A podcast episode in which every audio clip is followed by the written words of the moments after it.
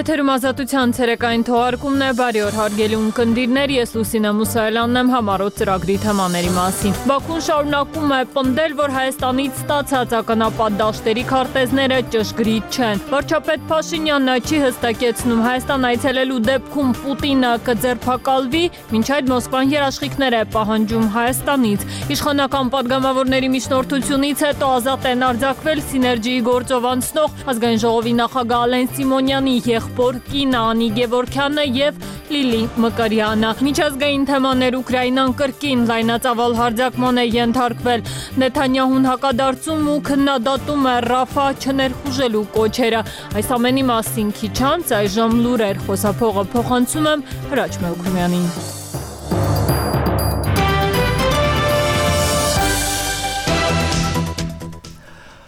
Հայաստանի վարչապետ Նիկոլ Փաշինյանը տելեգրաֆին տված հարցազրույցում ասել է, թե Հայաստանի եւ Ադրբեջանի միջև խաղաղության համաձայնագրի ճարտարապետությունը եւ սկզբունքները համաձայնեցված են, նախորդ տարեվերջին թվում էր մոտ ենք վերջնական տեքստի համաձայնեցմանը, սակայն սկզբից Ադրբեջանը հրաժարվեց մասնակցել բանակցություններին, ապա նշանակվեցին նախագահական ընտրություններ։ Այս կետի վրա ենք այսօր, նշել է նա։ Հարցազրույցի մանրամասները ծրագրի ընթացքում Արտգործնախարար Արարատ Միրզոյանը այսօր աշխատանքային այցով մեկնել է Բրյուսել մասնակցելու Եվրամիություն Հայաստան գործընկերության խորհրդի նիստին։ Օրակարգում հարաբերությունների զարգացման հարցերն են։ Նիստը կայանալու է փետրվարի 13-ին։ Կրեմլի խոսնակ Դմիտրի Պեսկովը այսօր անդրադարձել է Ռուսաստանի նախագահ Վլադիմիր Պուտինի Հայաստան այցելելու հնարավորությանը նրան ձերբակալելու հարցի հետ կապված։ Պատասխանելով պետական 10-ի հարցին Պեսկովն ասել է. «Մեջբերում եմ, մենք արդ Արդեն ասել ենք, որ նոր իրողությունը միջազգային այդ կառույցին Հայաստանի միանալը իհարկե չի կարող բացասական ազդեցություն չունենալ մեր երկկողմ հարաբերությունների վրա։ Այստեղ շատ կարևոր է որոշակի երաշխիքներ ստանալ մեր հայ գործընկերներից։ Այդ հարցը դեռ պետք է լուծվի երկկողմ երկխոսության շրջանակում, ինչին մենք տրամադրված ենք։ Մեջբերման ավարտ։ Հայաստանի վարչապետն ավելի վաղ ասել էր, թե ինքը չի որոշում ձերբակալել այս կամ այն մարդուն, այդ թվում Պուտինին։ Միջազգային քրեական դատարանը 2023 թվականի մարտի 17-ին Ռուսաստանի նախագահին ձերբակալելու օրդեր է տվել պատերազմական հանցագործությունների կատարման առնչություն ունենալու մեղադրանքով, մասնավորապես Ուկրաինայից երեխաներ են ապօրինաբար տարհանվել Ռուսաստան։ Ադրբեջանում Եվրամիության դեսպան Պետեր Միխալկոն հրավիրվել է արտգործնախարարություն, որտեղ նրան ներկայացվել է Բաքվի լուրջ մտահոգությունը Հայաստանում Եվրամիության դիտորդական առաքելության գործնեության առնչությամբ նշվել է, որ այն հակասում է առաքելության գործնեության վերաբերյալ նախնական պայմանավորվածություններին։ Հայաստանում Իրանի դեսպանությունը Armenpress-ի հարցին ի պատասխան ասել է, որ Թեհրանը տարածաշրջանային երթուղիների ապաշրջափակման հարցում գլխավոր նախապայման է համարում երկրների ինքնիշխանության իրավունքը։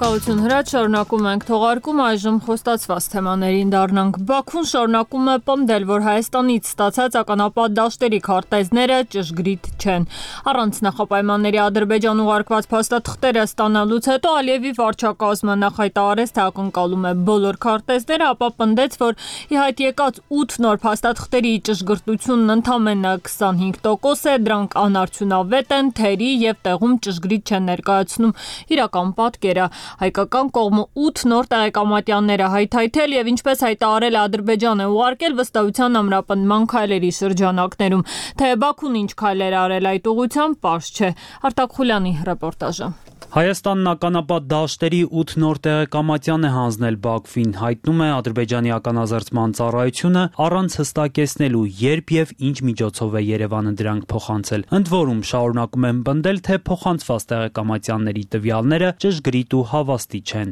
Երևանից դեռ չեն արձագանքել Բաքվի մեղադրանքներին։ Ավելի վաղ Հայաստանի արտաքին քաղաքական գերատեսչությունն իր հերթին Բաքվին մեղադրել էր ականապատ դաշտերի քարտեզների թեման շահարկելու եւ այդ քայլը էսկալացիայի առիթի վերացելու համար։ Բաքուն հայտարարել էր, թե հայկական կողմի քայլը վկայում է, որ Երևանը նպատակ չունի ներդրում ունենալ հումանիտար գործընթացում, պնդել ակնկալում է Հայաստանը ներկայացնի բոլոր ականապատ տարածքների կոնկրետ քարտեզները։ Ըստ Բաքվի, պատերազմից հետո Հայաստանի դրամադրած քարտեզների ճշգրտությունը ընդամենը 25% է։ Մինչդեռ Երևանից բազմիցս հայտարարել են, որ ավելի լավ որակի քարտեզներ պարզապես չկան։ Արդյոք որևէ բանի դիմաց է փոխանցել Երևանը 8 նոր տեղեկամատյանները հայտնի չէ ոչ արտաքին գործերի նախարարությունից, ոչ էլ կառավարությունից չի հաջողվում պարզել։ Ավելի վաղ արտգործնախարար Միրզոյանն ասել էր, թե նոր քարտեզների ի հայտ գալու դեպքում դրանք Բաքվին կփոխանցվեն երկկողմ կառուցողական մոտեցման դեպքում։ Չեմ բացառում, որ եթե համապատասխան երկու ստեկ կառուցողական մոտեցումների դեպքում եւ վստահության ամրապնդման քայլերի դեպքում կարողանանք վերականգնել վերա իսկապես կարողանանք վերականգնել հավաստի տեղեկատվությունը, ես չեմ բացառում, որ նորից փոխանցենք ադրբեջանական կողմին։ Դեռ հունվարին ազգային անվտանգության ծառայությունը հայտնել էր, որ 21 թվականին առանց նախապայմանների Ադրբեջանին է փոխանցվել ականապատ դաշտերի 972 ֆորմուլյարներ։ Ադրբեջանին փոխանցված 8 նոր տեղեկամատյաններ նստ Երևանի ի հայտ էին եկել Լեռնային Ղարաբաղի նախկին զինծառայողների շրջանում վերսկսված հարցումների արդյունքում։ Ըստ Ադրբեջանի Հայաստանի ականազերծման ծառայության հայկական կողմի փոխանցած վերջին տեղեկամատյանները հիմնականում Քելբաջարի, Խարվաճարի շրջանի Մռավի լեռնաշղթան շրջապատող ականապատ դաշտերի մասին գրառումներ են։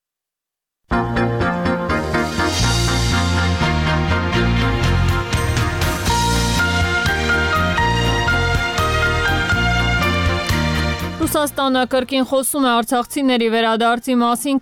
կարևորելով նրանց իրավունքների եւ անվտանգության ապահովման հարցը։ Թե ինչ քայլեր է պատրաստ ձեռնարկել այս ուղությամբ Ռուսաստանը, որի լրության պայմաններում Արցախը էթնիկ զտման ենթարկվեց, Մոսկվան չի հստակեցնում։ Արցախցիների վերադարձի իրավունքների մասին. Հարայժմ միայն Ռուսաստանից հնչող այս հայտարարություններին Հայաստանի իշխանությունը չի արձագանքում։ Լրում են նաեւ Արցախի նախկին ղեկավարները։ Ռուզաննա Ստեփանյանն է հաղորդում ոլորտում։ Պաշտոնական Երևանը դեռևս չի արձագանքել Մոսկվայից հնչած մեղադրանքներին, թե Արցախում սեպտեմբերյան ռազմական իրադարձությունների պատճառը Հայաստանի կողմից Ադրբեջանի տարածքային ամբողջականության ճանաչումն է։ Ռուսաստանը միևնույն ժամանակ կարևորել է արցախցիների վերադարձի համար անհրաժեշտ պայմանների ստեղծումը։ Այդ մասին նախորդին Իզվեստիային տված հարցազրույցում շեշտել էր Ռուսաստանի փոխարտգործնախարար Միխայիլ Գալուզինը։ Ցավոք Ղարաբաղի հայերի մեծ մասը լքել է այդ շրջանը, դա իրենց ծանր, բայց եւ ինքնակամ ընտրությունն էր։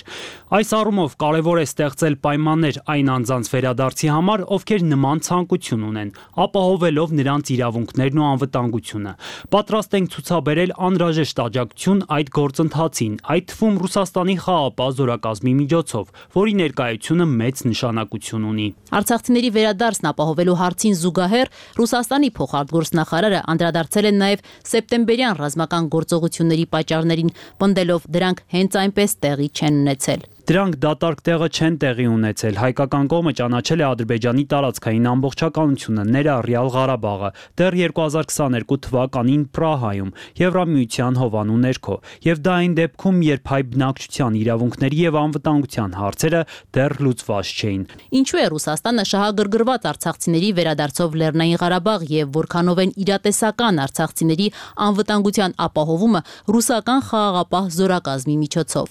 ԱԳՆ-ն դեռևս չի արձագանքել, իսկ Հայաստանի խորհրդարանի արտաքին հարաբերությունների հանձնաժողովի իշխանական падգամավորների զգալի մասը հերախոսազանգերին չեն պատասխանում, մի քանիսն էլ տարբեր պատճառաբանություններով հրաժարվեցին արձագանքել։ Միջդեռ Արցախի խորհրդարանի падգամավոր Մետաքսե Հակոբյանը շեշտում է, որևէ մեկի կոչով երբեք չեն վերադառնա իրենց հայրենիք, որքան էլ մեծ է ցանկությունը, ինչև չլինեն կոնկրետ եւ համոզիչ անվտանգային երաշխիքներ։ Օրինակ ըստ Հակոբյանի իրենք պետք է իմանան, արդյոք Արցախում իրենց կողքին ադրբեջանցիներ ապրելու լինելու են թե ոչ, ինչպիսին են լինելու շփման գծերը, ռուս խաղապահները որտեղ են կանգնած լինելու եւ ինչ գործառույթներով, այսինքն անցյալի ձևով որևէ մեկը չի վերադառնա։ Ռուս խաղապահների ներկայությամբ տեղի ունեցավ այն, ինչ տեղի ունեցավ, շեշտում է Արցախցի падգամավորը։ Պետք է կոնկրետ հստակեցվի ինչ երևույթի ժամանակ ինչպիսին է լինելու արձագանքը, ինչպիսին է լինելու այդ անվտանգությունը, դա պիտի գործնականում հողի վրա հստակեցված լինի։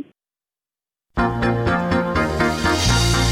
Վարչապետ Նիկոլ Փաշինյանը չի շտապում փարատել Մոսկվայում արկա մտավախությունները եւ հստակեցնել Հայաստան այցելելու դեպքում Վլադիմիր Պուտինը կձերբակալվի, թե ոչ։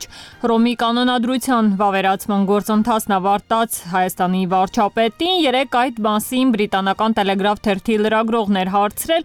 ինչին Փաշինյանը հրաժարվել է ուղիղ պատասխանել, փոխարենն վստահեցրել է, թե իրավական հարցերին ինքը ի պաշտոն է չի միջամտում։ Միջուկային գերտերության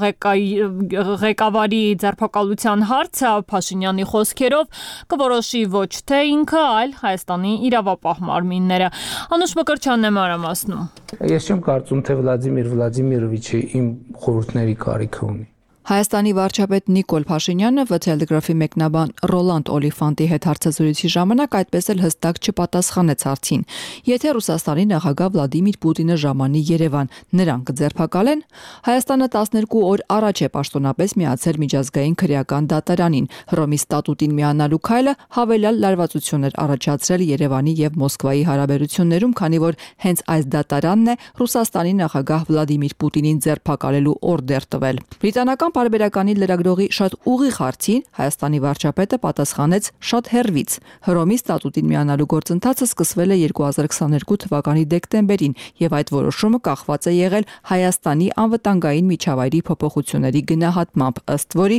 անվտանգության համակարգում որոշակի ճեղքեր են առաջացել։ Դա իրավական խնդիր է, քաղաքական հարց չէ, որը ես պետք է քննարկեմ եւ որին պետք է արձագանքեմ։ Օլիֆանտն այդուհանդերձ փորձեց եւս մեկ անգամ հասկանալ, ինչ կանի Հայաստանի ոստիկանությունը, եթե Պուտինը ժամանի Հայաստան։ Փաշինյանն էլ իր հերթին ընդգծեց. 2018 թվականից հետո Հայաստանում շատ լայնածավալ ժողովրդավարական բարեփոխումներ են սկսվել, եւ ինքը չէ որոշողը, ում ձերբակալեն, ում չձերբակալեն։ Չուշացավ Կրեմլի արձագանքը Մոսկվան հստակ հավաստիացումներ է պահանջում Երևանից։ Կրեմլի խոսնակ Դմիտրի Պեսկովն է այսօր լրագրողների հետ զրույցի ժամանակ հայտնել, որ նոր իրողությունը չի կարող բացասաբար չանդրադառնալ երկկողմ հարաբերությունների վրա, ուստի վճռական են հարցը քննարկել հայ գործընկերների հետ մինչև Պուտինի հնարավոր այցը Հայաստան։ Միջազգային իրավական հարցերով Հայաստանի ներկայացուցիչ Եղիշե Կիրակոսյանը ավելի վաղ պնդել էր, թե պետությունների գործող ղեկավարները իմունիտետ ունեն, ուստի Ռուսաստանի նախագահին ձերբակալություն չի սպառնում, եթե նա ժամանի Հայաստան։ Այդուհանդերձ իրավունքի փորձագետ Արա Ղազարյանը հակադարձում է, չձերբակալելով Պուտինին Հայաստանը պարզապես կխախտի Հռոմի կանոնադրությունը։ Այլ հարց է, կգնա արդյոք Հայաստանը այդ ռիսկին։ Ավելի իրատեսական է, որ Պուտինը եթե գա Հայաստան, Հայաստանը չի ձերբակալի։ Բայց դա չի նշանակում, որ դրանով Հայաստանը չի խախտի Հռոմի ստատուտը։ Ռուսաստանը արդեն հայտարարել է, որ Պուտինի ձերբակալումը համարվել է պատերազմի ակտ։ Դա նշանակում է Ռուսաստանը իրեն իրավունք է վերապահելու ռազմական ուժ կիրառել։ Սա արդեն բավարար է, որ Հայաստանը որոշի նրան չձերբակալել։ Հագայում էլ հասկանալով կմոտենան այդ հանգամանքին, բայց միևնույն է կարձանագրել, որ Հայաստանը խախտել է Հռոմի ստատուտը։ Իշխող ուժի падգամավորների միջնորդությունից հետո ազատ են արձակվել Սիներջիի գործով անցնող ազգային ժողովի նախագահ Ալեն Սիմոնյանի եղբոր կինը Անի Գևորքյանը եւ Լիլի Մկրյանը, Սիներջիի հիմնադիր Աշոտ Հովանիսյանը շարունակում է մնալ կալանքի տակ։ Տեղեկատվական տեխնոլոգիաների ոլորտում գործունեություն իրականացնող այս ընկերության երեք աշխատակիցները ըստ իրավապահների օգնել են պաշտոնյաներին պետական մրցույթի կանոններ խախտել։ Պաշտոնյանները էկոնոմիկայի նախարարության ներկայ ու նախկին աշխատակիցները, որոնք ըստ քնչական կոմիտեի իրավախախտումներ են իրականացրել եւ ըստ էության ավելի ծանր մեղադրանքներ է նրանց վերագրվում, տնային կալանքի տակ են։ Այս գործով վերջին զարգացումների մասին առավել մանրամասն Նանե Սահակյանը կպատմի։ Այսօր դատախազի նախաձեռնությամբ ազատ են արձակվել Սիներգիի գործով անցնող Անի Գևորքյանն ու Լիլի Մկրյանը։ Նրանք կալանավորված էին արդեն ավելի քան 10 օր ենթադրյալ կոռուպցիոն չարաշահումների գործով եւ մեղադրվում էին հանցագործության նոժանդակելու ստեղծելու հոդվածով։ Ըստ քնչականին նրանք օժանդակել էին էկոնոմիկայի նախկին փոխնախարար Անի Սպիրյանին եւ նույն նախարարության եւս 3 աշխատակցի անցնել իրենց իշխանական կամ ծառայողական լիազորությունները։ Պաշտոնյաներն էլ մեղադրվում են լիազորությունները չարաշահելու հոդվածով, սակայն նրանք ի սկզբանե ոչ թե կալանավորվել էին, այլ տնային կալանքի տակ էին։ Որոշումը հիմնավորելիս դատախազը նշել է, թե նվազել է մեղադրյալների կողմից ոչ իրավաչափ վարկագիծ դրսևորելու հավանականությունը։ Հաշվի են առել, որ վերոնշյալ մեղադրյալները ցուցմունքներ են տվել քրեական վարույթի համար էական նշանակություն ունեցող հանգամանքների վերաբերյալ։ Դատախազը վարույթն իրականացնող մարմնին հանձնարարել է երկու մեղադրյալների նկատմամբ կիրառել համակցված այլընտրանքային խափանման միջոց՝ գրավ, բացակայելու արգելք եւ երաշխավորություն։ Ասված է դատախազության հայտարարությունում։ Վերջինս չի մանրամասնում, թե կոնկրետ ում երաշխավորության մասին է խոսքը, բայց ակնհայտ է, որ ազգային ժողովի քաղաքացիական պայմանագիր կուսակցության падգամավորների մեծ մասի դեռ անցյալ շաբաթ շաբաթ դատախազին ներկայացված երաշխավորության մասին է։ Այս գործով անցնող կանանցից մեկը Անի Գևորքյանը ազգային ժողովի նախագահ Ալեն Սիմոնյանի եղբոր կինն է։ Հարցին թե արդյոք այս պատճառով են падգամավորները երաշխավորություն տվել դատախազությանը, նրանք ասում էին, թե ոչ։ Այնուամենայնիվ դեռ կալանքի տակ է Սիներգի ընկերության հիմնադիր Աշոտ Հովանիսյանը, թեև նրա համար եւս падգամավորները միջնորդել էին։ Պարոն Հովանիսյանը եւս մասնակցել է բոլոր այդ գործողություններին, առերեսումների, բազմածավալ հարցակցությունների հարցակնությունների, բավականին ծավալությունք է տվել իրողություն վերաբերյալ եւ եթե տրամաբանությունը միջնորդության բավարարման խափան միջոցը փոխելու եղել է դա, հետեւաբար միգուցեև ակնկալիք կա, որ պարոն Հովանեսյանի վերաբերյալ պետք է համարժեք եւ միատեսակ մոտեցում լինի։ Հովանիսյանի պաշտպան Գորոհանյանն ազատության հետ զրույցում հույս հայտնեց, որ ազատ կարծակվի նաև իր պաշտպանյալը։ Համենայն դեպս ըստ փաստաբանի դատախազության ներկայացրած փաստարկները Սիներգիի կանանց ազատ արձակման վերաբերյալ տարածվում են նաև Հովանիսյանի վրա։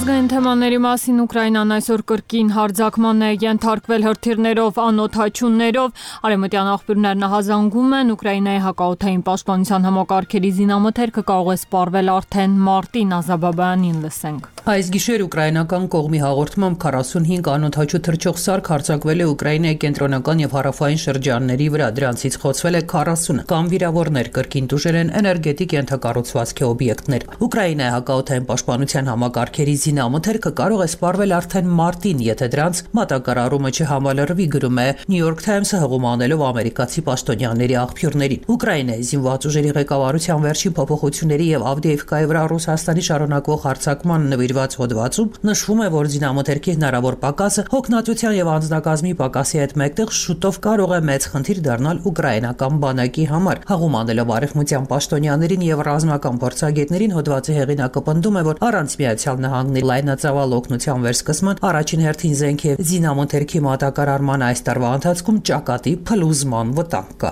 Նշվում է, որ Ուկրաինան ունի զինամթերք եւ այլ անհրաժեշտ նյութեր երկու ամսվա համար միայն եւ եթե մի քանի ամսվա ընթացքում օգնությունը չվերսկսվի, իրավիճակը կարող է քրիտիկական դառնալ արդեն ամռան սկզբում։ Մինչ այդ դատելով կողմերի հաղորդումներից ճակատում մեծ փոփոխություններ դեռ չեն եղել, սակայն ուկրաինացի զինվորական բլոգերները գրում են, թե Ավդեևկայում իրավիճակը դառնում է քրիտիկական ուկրաինական կայազորի համար։ Ռուսները առաջ են շարժում քաղաքի հյուսիս-արևմուտքում։ Այս պայմաններում Ուկրաինան կարող է Ավդեևկա տեղափոխել իր լավագույն բրիգադներից մեկը՝ 3-րդ գրոհային բրիգադը, գրում է Forbes-ը, չնշելով աղբյուրները։ Ենթադրվում է, որ թարմ ուժերը կփորձեն հետ մղել ռուսական բանակը Ավդեևկայի կենտրոն տանող ասֆալտապատ ճանապարհից Գրուշևսկու փողոցից։ Գեներալ Տարնավսկին շաբաթ օրը հայտնել էր, որ ուկրաինական զինված ուժերը պաշտպանում են քաղաքը եւ նոր ուժերն արդեն մարտի դաշտում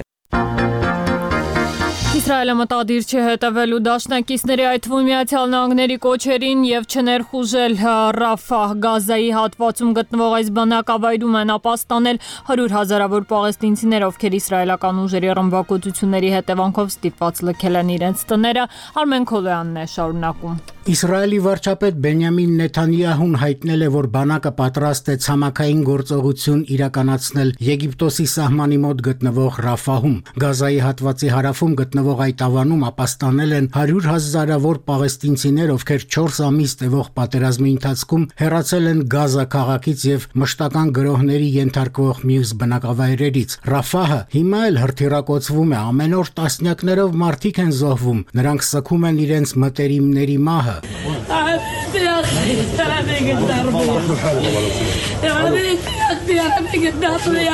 Երբեմնի 180 հազարանոց Ռաֆահի բնակիչների թիվը ավելի քան 7 անգամ ավելացել այսօր ավանում գտնվում է 1 միլիոն 400 հազար մարդ։ ՄԱԿ-ի գլխավոր քարտուղար Անտոնիո Գուտերեշը եւ մի շարք երկրների լիդերներ Նեթանյահուին կոչ են անում հրաժարվել Ռաֆահում ցամաքային գրոհից, քանի որ այն անխուսափելիորեն կհանգեցնի մեծ կորուստների խաղաղ բնակչության շրջանում։ Գազայում, բայց Նեթանյահուն պնդում է, որ Ռաֆահում ապաստանել են ոչ միայն խաղաղ բնակիչներ, այլև Համասի 4 գումարտակներ, ուստի Իսրայելի բանակը պետք է ոչնչացնի նրանց։ Համասը Միացյալ Նահանգներում եւ Եվրամիությունում ահաբեկչական կառույց է ճանաչվել։ Իսրայելի բանակը հավատացնում է, թե բանակը ամեն բան անում է քաղաքացիական բնակչության կյանքի անվտանգության համար։ Բանակը նախազգուշացնում է, օգնում է տարհանմանը, խուսափում է քաղաքացիական նշանակության շենքերին հարվածելուց։ Նեթանյահուն հայտարարել է, թե իսրայելյան բանակի մարտավարությունն է խաղաղ բնակիչներին չենթարկել վտանգի։ Այժմ համար այսքանն ենք նախատեսել առայժմ։